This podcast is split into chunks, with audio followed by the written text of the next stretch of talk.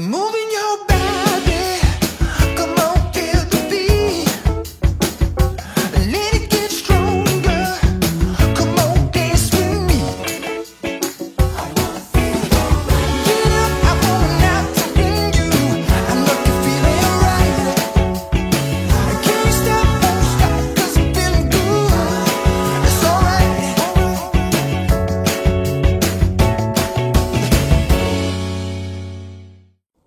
dobry, Katarzyna Urbańska. Witam w 23 odcinku programu Okiem byłej Frankowiczki. To już tyle razy e, i w tylu odcinkach starałam się Państwu pokazać, jak skutecznie walczyć o swoje prawa konsumenckie, jak skutecznie próbować odzyskać wolność finansową i rozpocząć swoją drogę do życia bez kredytu. E, Starałam się pokazać Państwu historię byłych Frankowiczów, tych, którzy szczęśliwie, tak jak ja, zakończyli swoją drogę z frankiem szwajcarskim pod rękę, która wcale nie była drogą usłaną różami, a wyboistą, krętą ścieżką po kamieniach, gdzie naprawdę wielokrotnie upadaliśmy i ciężko nam się było podnieść przez obciążenie, jakie spadało na nas w związku z rosnącym kursem franka szwajcarskiego.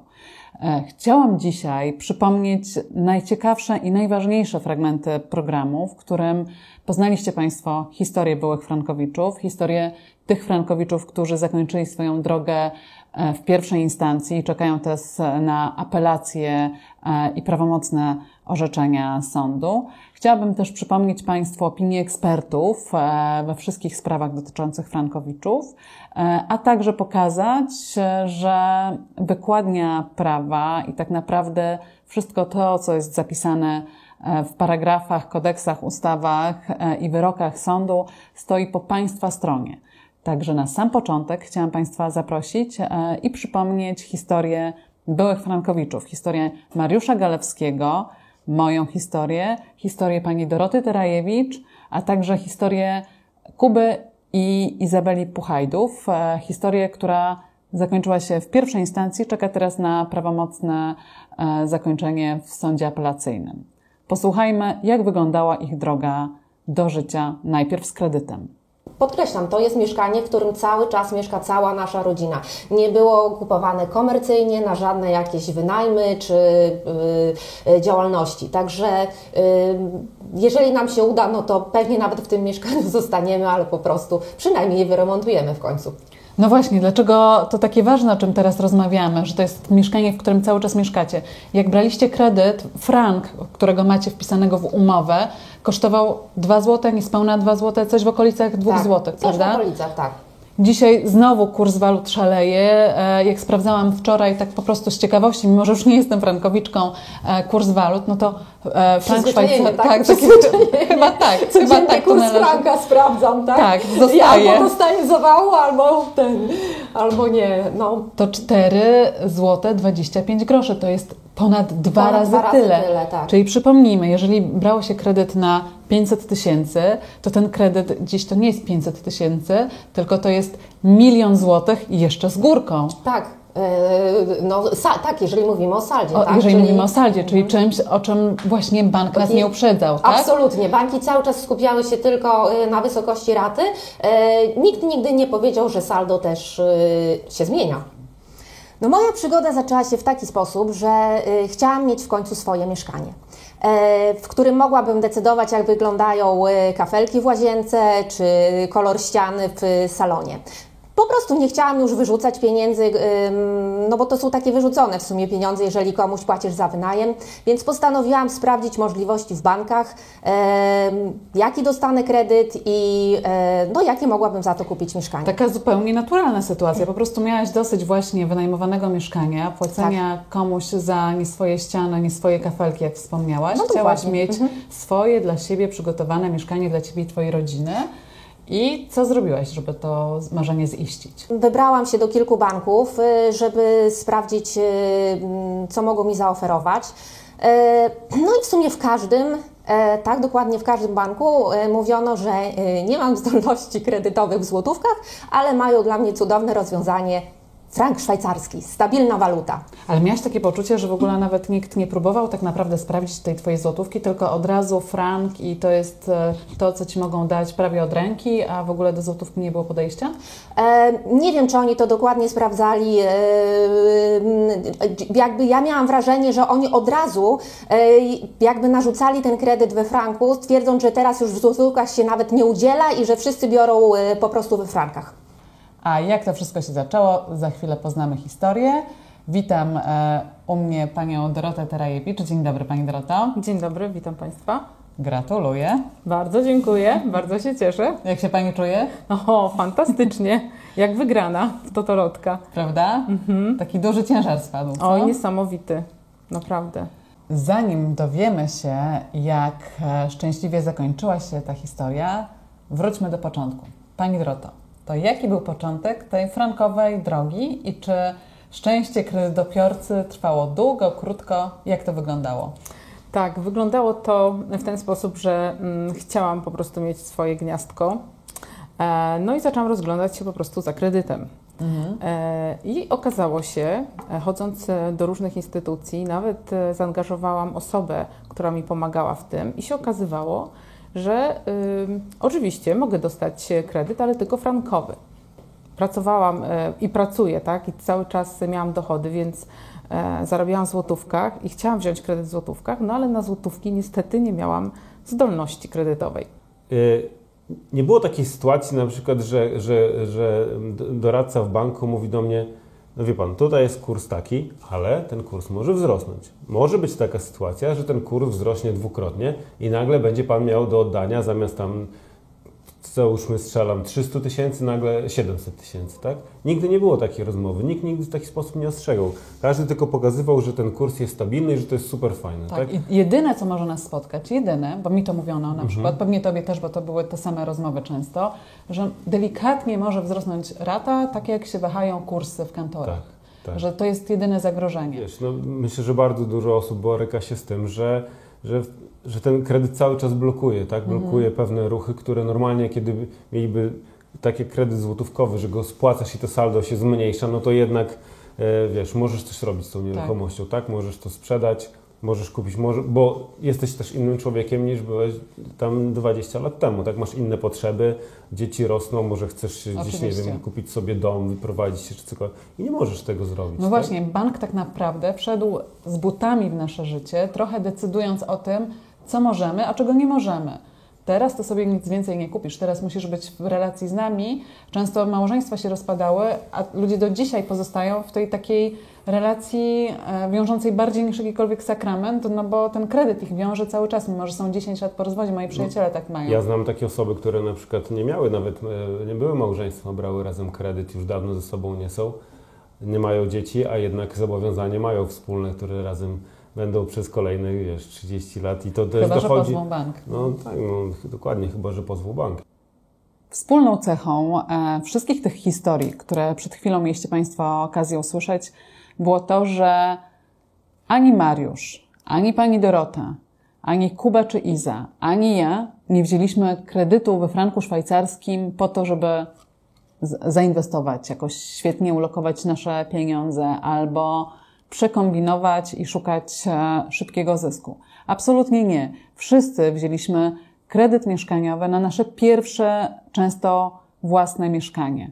Dlatego trudno zgodzić się z retoryką e, i zarzutami, że Frankowicze wiedzieli, co robią, że byli cwaniakami.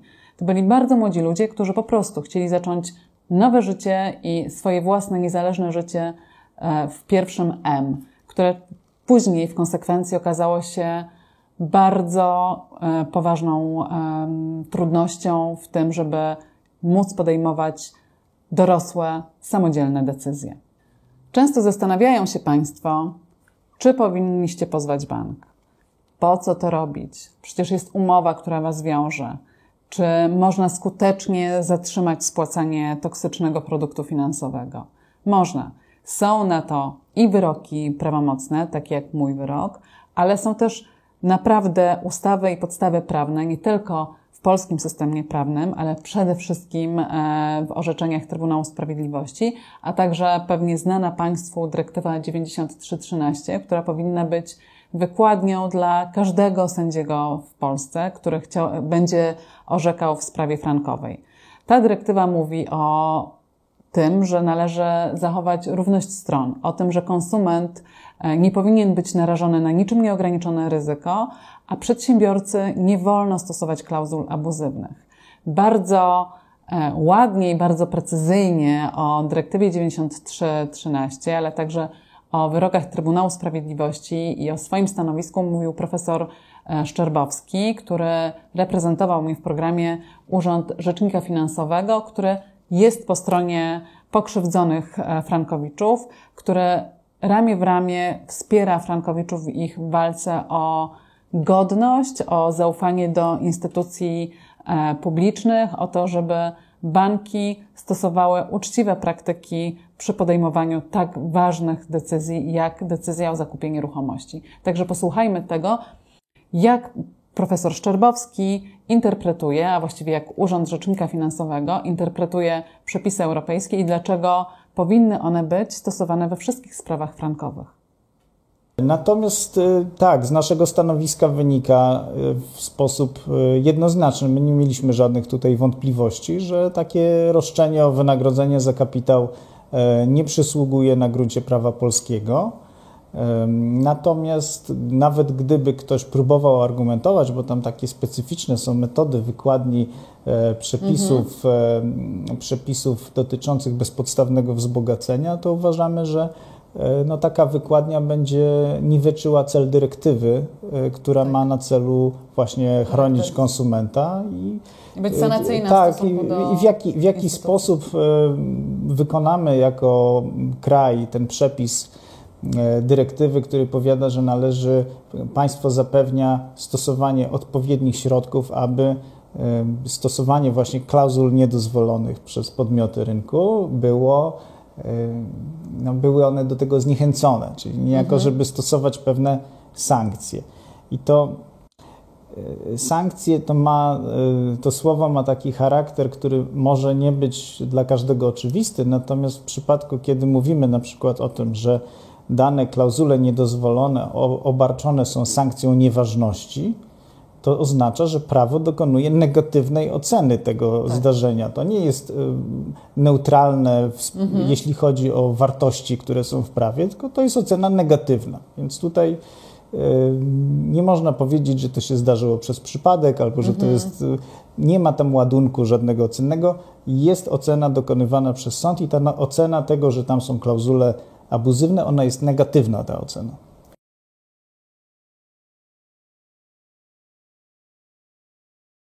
Trwała bezskuteczność. Tutaj chodzi o ten moment przedawnienia roszczeń. E, W jakim momencie Wy, jako rzecznik finansowy, oceniacie ten moment trwałej bezskuteczności? Który to jest moment? Kiedy ja dowiaduję się, że moja umowa może być nieważna i zgłaszam to drugiej stronie?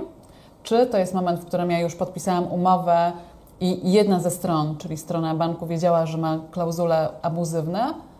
Jak oceniać tę trwałą bezskuteczność? Albo czy to jest moment, e, w którym zapadnie prawomocne orzeczenie sądu? Tu faktycznie e, poglądów pojawia się wiele. My mamy swój pogląd na to. E, W mojej ocenie ten pogląd jest najwłaściwszy, ale musimy zaznaczać, że tutaj poglądów na, to, e, na, tą, na tą kwestię jest bardzo dużo.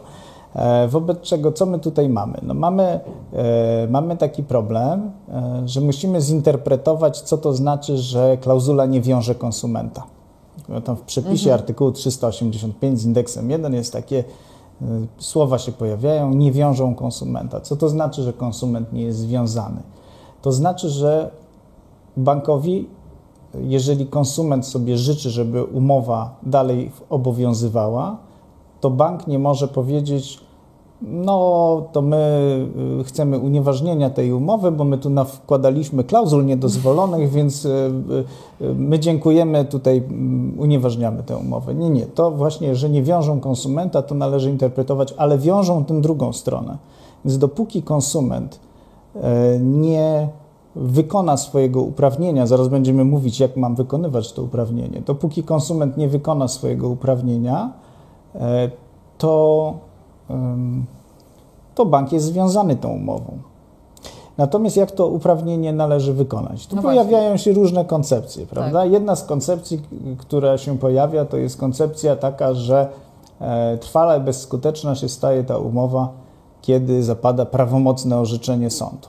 Według mnie ta koncepcja jest błędna. Z tego to wynika, że sądy orzekają, my to nazywamy w sposób deklaratywny, to znaczy z, pomiędzy z podmiotami prawa cywilnego dzieją się różne zdarzenia prawne. I te zdarzenia zmieniają sytuację prawną. Gdybym na przykład od pani pożyczył 100 zł, to sąd, zasądzając zwrot tej pożyczki, gdybym się okazał niesolidnym dłużnikiem, nie oddawał, to sąd nie wytworzy nowego stosunku prawnego, tylko popatrzy na to, że tutaj jest dług, faktycznie ten dług jest wymagalny, niespłacony i tak dalej i zasądzi 100 zł ode mnie na pani rzecz. E, I tak należy patrzeć też na te sprawy, czyli trwała bezskuteczność jest wtedy, kiedy klient oświadczy bankowi, że tam są klauzule abuzywne i te klauzule abuzywne, mm, na, no, nie czuje się nimi związany, nie chce tej umowy i tak dalej. Czyli e, idąc e, za tą interpretacją, moment złożenia reklamacji w banku powinien być tym momentem, w którym trwale i bezskutecznie e, przestaje obowiązywać nas e, ta umowa. E, Ostrożnie bym tutaj powiedział z, ze słowem reklamacja, bo wydaje się, że to nawet nie musi być reklamacja w rozumieniu przepisów, e, e, przepisów ustawy właśnie o rzeczniku finansowym, bo to jest ta ustawa, która tryb reklamacyjny w bankach reguluje. E, Wydaje się, że to może być jaka, jakakolwiek czynność, która jest skierowana do właściwego podmiotu przez uprawnioną osobę, czyli przez Frankowicza w tym przypadku. I wówczas e, ta umowa staje się trwale bezskuteczna. Nie tylko profesor e, Szczerbowski reprezentujący Urząd Rzecznika Finansowego, ale także pani doktor Aneta Wiewiórowska, współprzewodnicząca Forum Konsumenckiego przy Rzeczniku Praw Obywatelskich jest zdania, że prawo unijne, prawo europejskie chroni konsumentów. Powinno stać zawsze na straży bezpieczeństwa konsumenckiego i to nie jest nic dziwnego, że zapadają tak korzystne wyroki teraz e, dla Frankowiczów. Po prostu sądy zaczęły słusznie stosować przepisy, które obowiązują od zawsze. Dlaczego tak się dzieje i dlaczego prawo konsumenckie jest tak ważne w doktrynie europejskiej i należy stosować je we wszystkich przepisach i jak ważne jest e, właśnie dzięki doktrynie europejskiej bu- budowanie zaufania między przedsiębiorcami a konsumentami i jaki ważny wpływ na rozwój gospodarczy również ma stosowanie e, prawa i niewykorzystywanie pozycji mocniejszego dla rozwoju i dla przyszłości gospodarki. Posłuchajmy, co mówiła pani Aneta Wiewiórowska.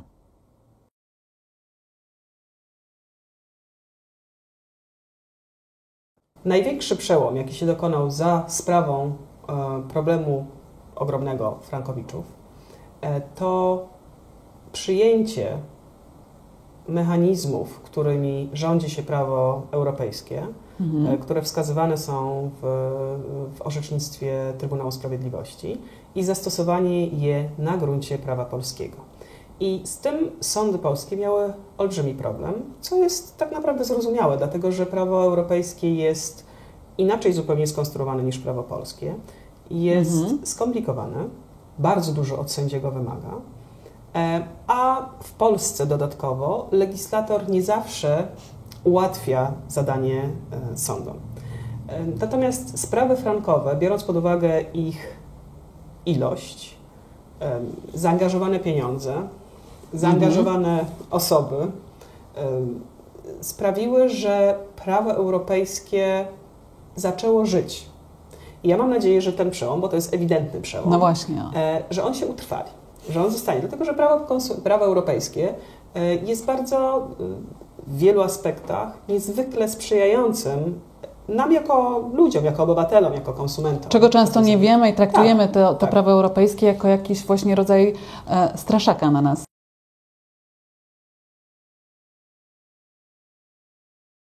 że prawo europejskie niesie ze sobą bardzo dużo bardzo pozytywnych rozwiązań, e, które są dużym wyzwaniem, e, jeśli chodzi o realizację na poziomie e, krajowym, natomiast zdecydowanie poprawiają komfort naszego życia. I to jest jeden z celów prawa, prawa europejskiego. Zapewnienie, że nasz rynek, nie tylko rynek polski, ale również rynek europejski, będzie funkcjonował w sposób prawidłowy, to jest Mhm. bez nadużyć w stosunku do konsumentów.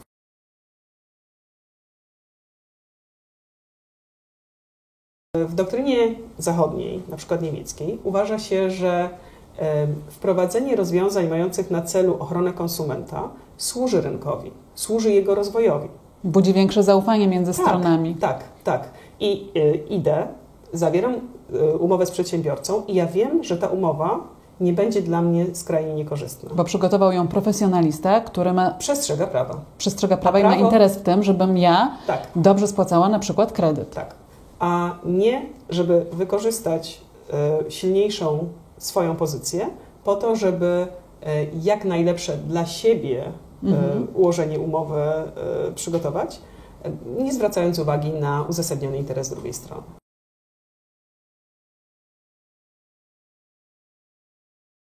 W sprawach frankowych to po prostu są drogie spory, nie tylko dla banku, ale również dla każdej osoby, która zawarła e, umowę e, kredytu denominowaną czy indeksowaną.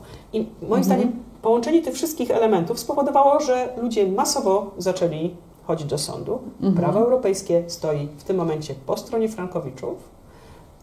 I potrzeba było tylko mechanizmu, który spowodowałby, że sądy zaczną prawidłowo odczytywać treść prawa europejskiego. Tutaj ogromne wsparcie ze strony TSUE.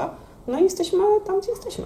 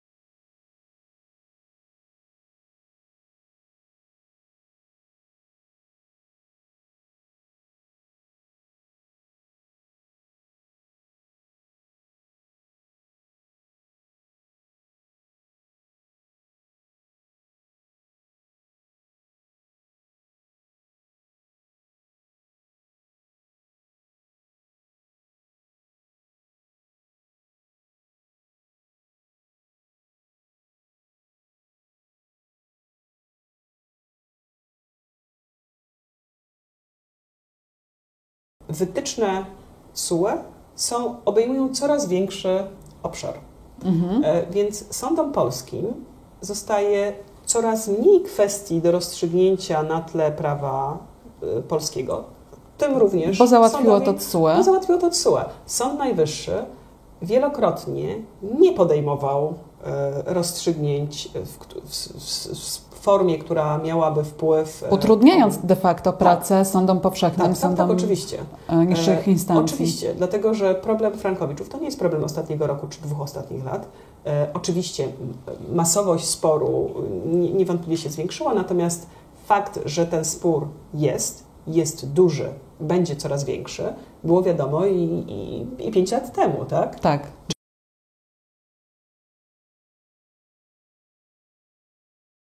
Dyrektywa 9313 jest przyjęta po to, żeby, żebyśmy my funkcjonowali w ramach rynku, na którym oferowane są uczciwe umowy. Ona chroni nas wszystkich. Czyli każdy, który w jakikolwiek sposób czuje się pokrzywdzony przez e, umowę widzi, przedsiębiorcę, jest... profesjonalistę, Tak. może zerknąć do tej dyre- dyrektywy i zobaczyć, które z jego interesów zostały w tym wypadku narusz- naruszone. Do kodeksu cywilnego. Mamy to No tak. w, w kodeksie cywilnym, mamy listę e, klauzul, które e, Których nie wolno list- stosować, których tak. które są podejrzane o to, że są e, abuzywne. Mamy bardzo duże orzecznictwo, więc to nie jest, to nie jest dyrektywa, która chroni tylko frankowiczów, to jest dyrektywa, która chroni nas absolutnie wszystkich.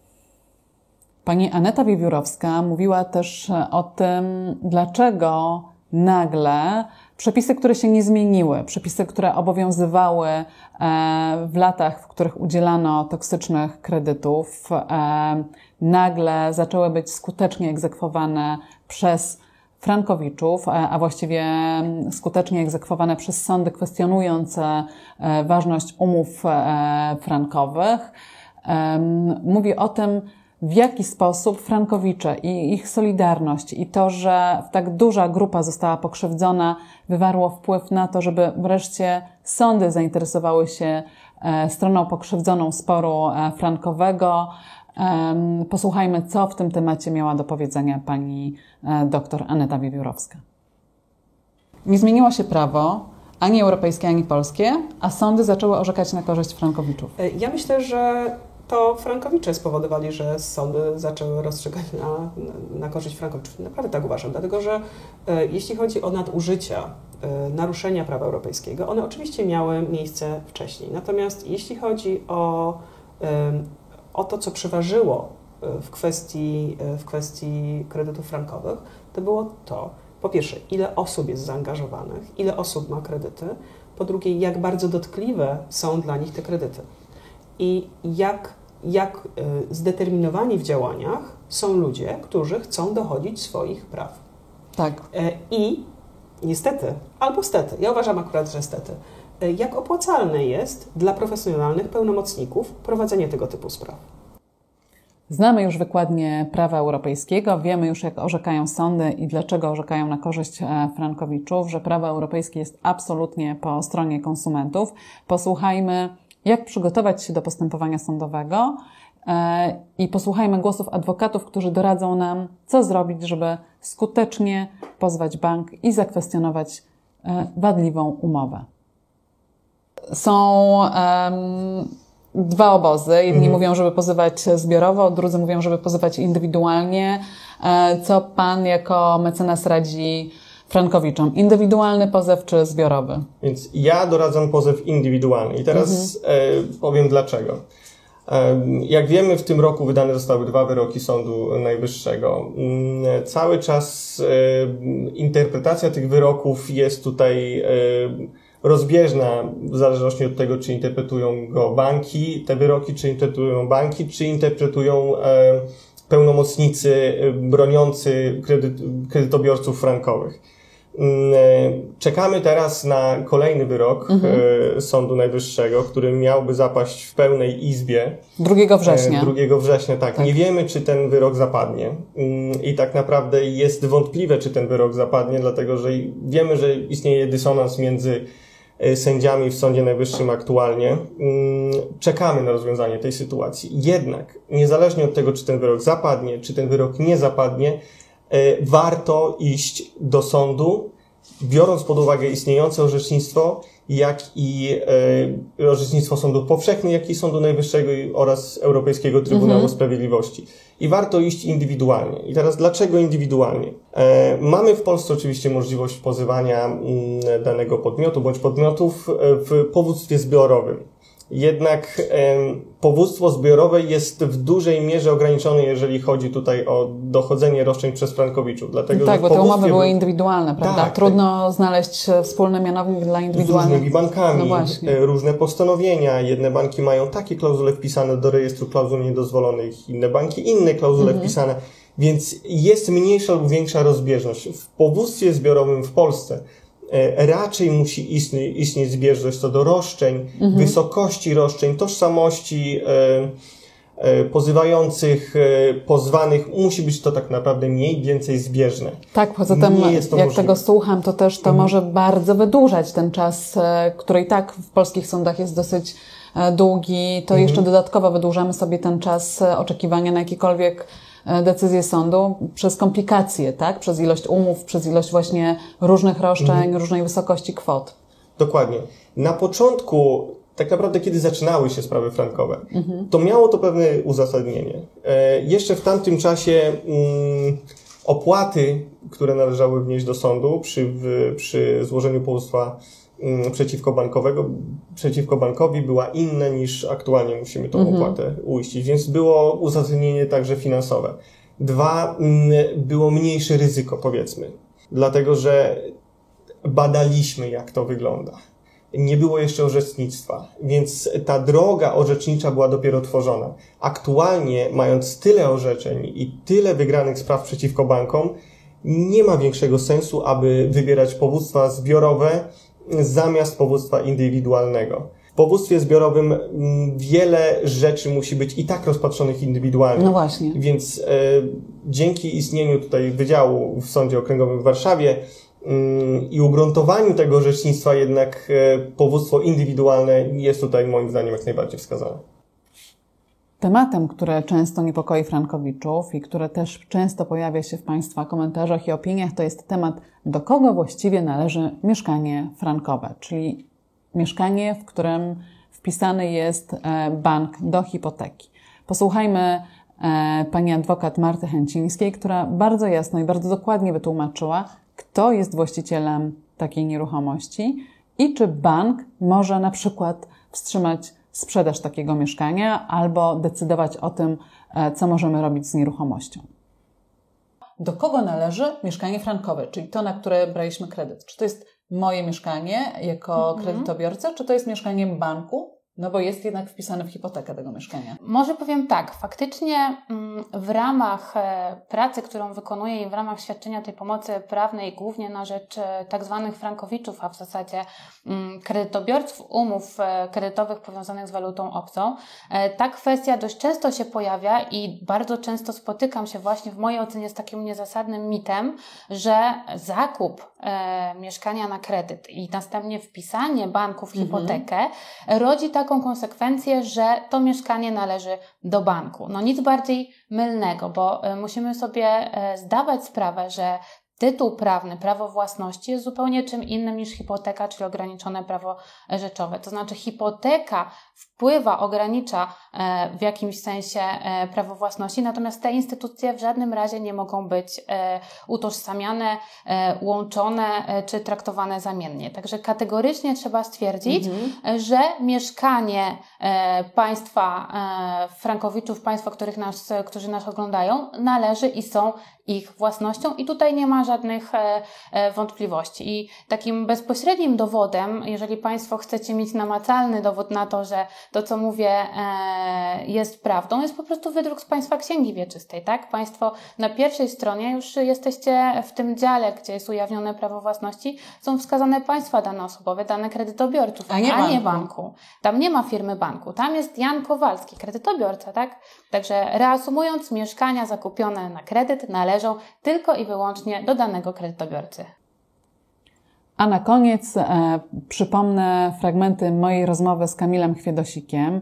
Posłuchajmy, co skłoniło Kamila do napisania książki, w której e, opowiada historię Frankowiczów i ich drogę do życia bez kredytu, a także jak to się stało, że zbudował tak potężną społeczność, e, społeczność e, życia bez kredytu, wokół której skupia się tylu ludzi zainteresowanych tematem frankowym i dlaczego tak ważne jest wsparcie grupy i dlaczego wszyscy razem możemy dodawać sobie sił i wiary w to, że skutecznie wygramy z bankiem. E, Droga do życia bez kredytu, historie prawdziwe to książka poświęcona byłym już Frankowiczom, ale też tak naprawdę kierowana do wciąż obecnych Frankowiczów. Powiedz, e, co Cię skłoniło do napisania tej książki, co było takim e, triggerem do tego, żeby ta książka powstała? E, Przede wszystkim chodzi mi o to, aby frankowicze byli świadomi, jakie mają prawa i że te prawa są bardzo mocno okalają konsumentów, zgodnie przede wszystkim z dyrektywą Unii Rady 93 przez 13 i w ten sposób chcę pokazać, że książka daje możliwości i wiele narzędzi do tego, żeby frankowicze wiedzieli, że mogą e, być faktycznie otoczeni ochroną prawną, w szczególności biorąc pod uwagę zarówno historie prawdziwe, jak już wiemy, między innymi Twoją, Tak, jak i e, historie innych e, frankowiczów, którzy być może jeszcze wciąż walczą, ale tych, którzy już przełamali te pierwsze lody, dlatego że trzeba pamiętać, tytuł książki wprost wskazuje, o czym ona jest. Ona jest o tej drodze, którą frankowicze w ślad za korzystnym orzecznictwem powinni e, obrać po to, aby się uwolnić od tego i w zasadzie też e, ta książka dała nam taki reset, takie myślenie, e, przygotowanie tej książki dało nam również to myślenie takie bardziej społeczne, tak? czyli misja edukacji, stąd też ta akcja Polska Wolna od Franka. No właśnie, o tym za chwilę porozmawiamy.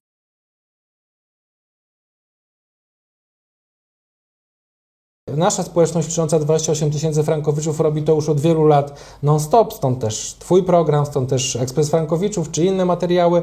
E, Teraz frankowicze, które przygotowujemy, czy webinary, no to się wszystko dzieje po to, żebyś my każdy, żeby każdy, kto chce w ogóle dotknąć tego tematu, mógł to zrobić w sposób, e, powiedzmy, e, no taki niebudzący wątpliwości co do merytorycznych informacji, które są zawarte w tych materiałach, bo ja powiem tak, o tyle, o ile banki notorycznie piszą do nas, żebyśmy przestali publikować e, niektóre artykuły, etc., czego oczywiście A oni odwrotnie publikują swoje. Dokładnie, znaczy to, to tak samo nikt jeszcze ani nas nie pozwał, ani nie zarzucił, że coś w naszych artykułach jest nie w porządku. My po prostu okazujemy, ujawniamy tą prawdę, która oczywiście jest nie na rękę bankowcom, tak? No, No tak, być no. może ktoś by się przestraszył, no akurat przepraszam, ale ja się nie boję, ani nikt tutaj z nas nie boi się pism ze strony banku, żeby, e, że to narusza ich e, dobre obyczaje i tak dalej, i tak dalej, bo my informujemy, że banki przegrywają w sądach i dlaczego, cytując wyroki, które notabene są przecież jawne, Jawne, tak? dokładnie.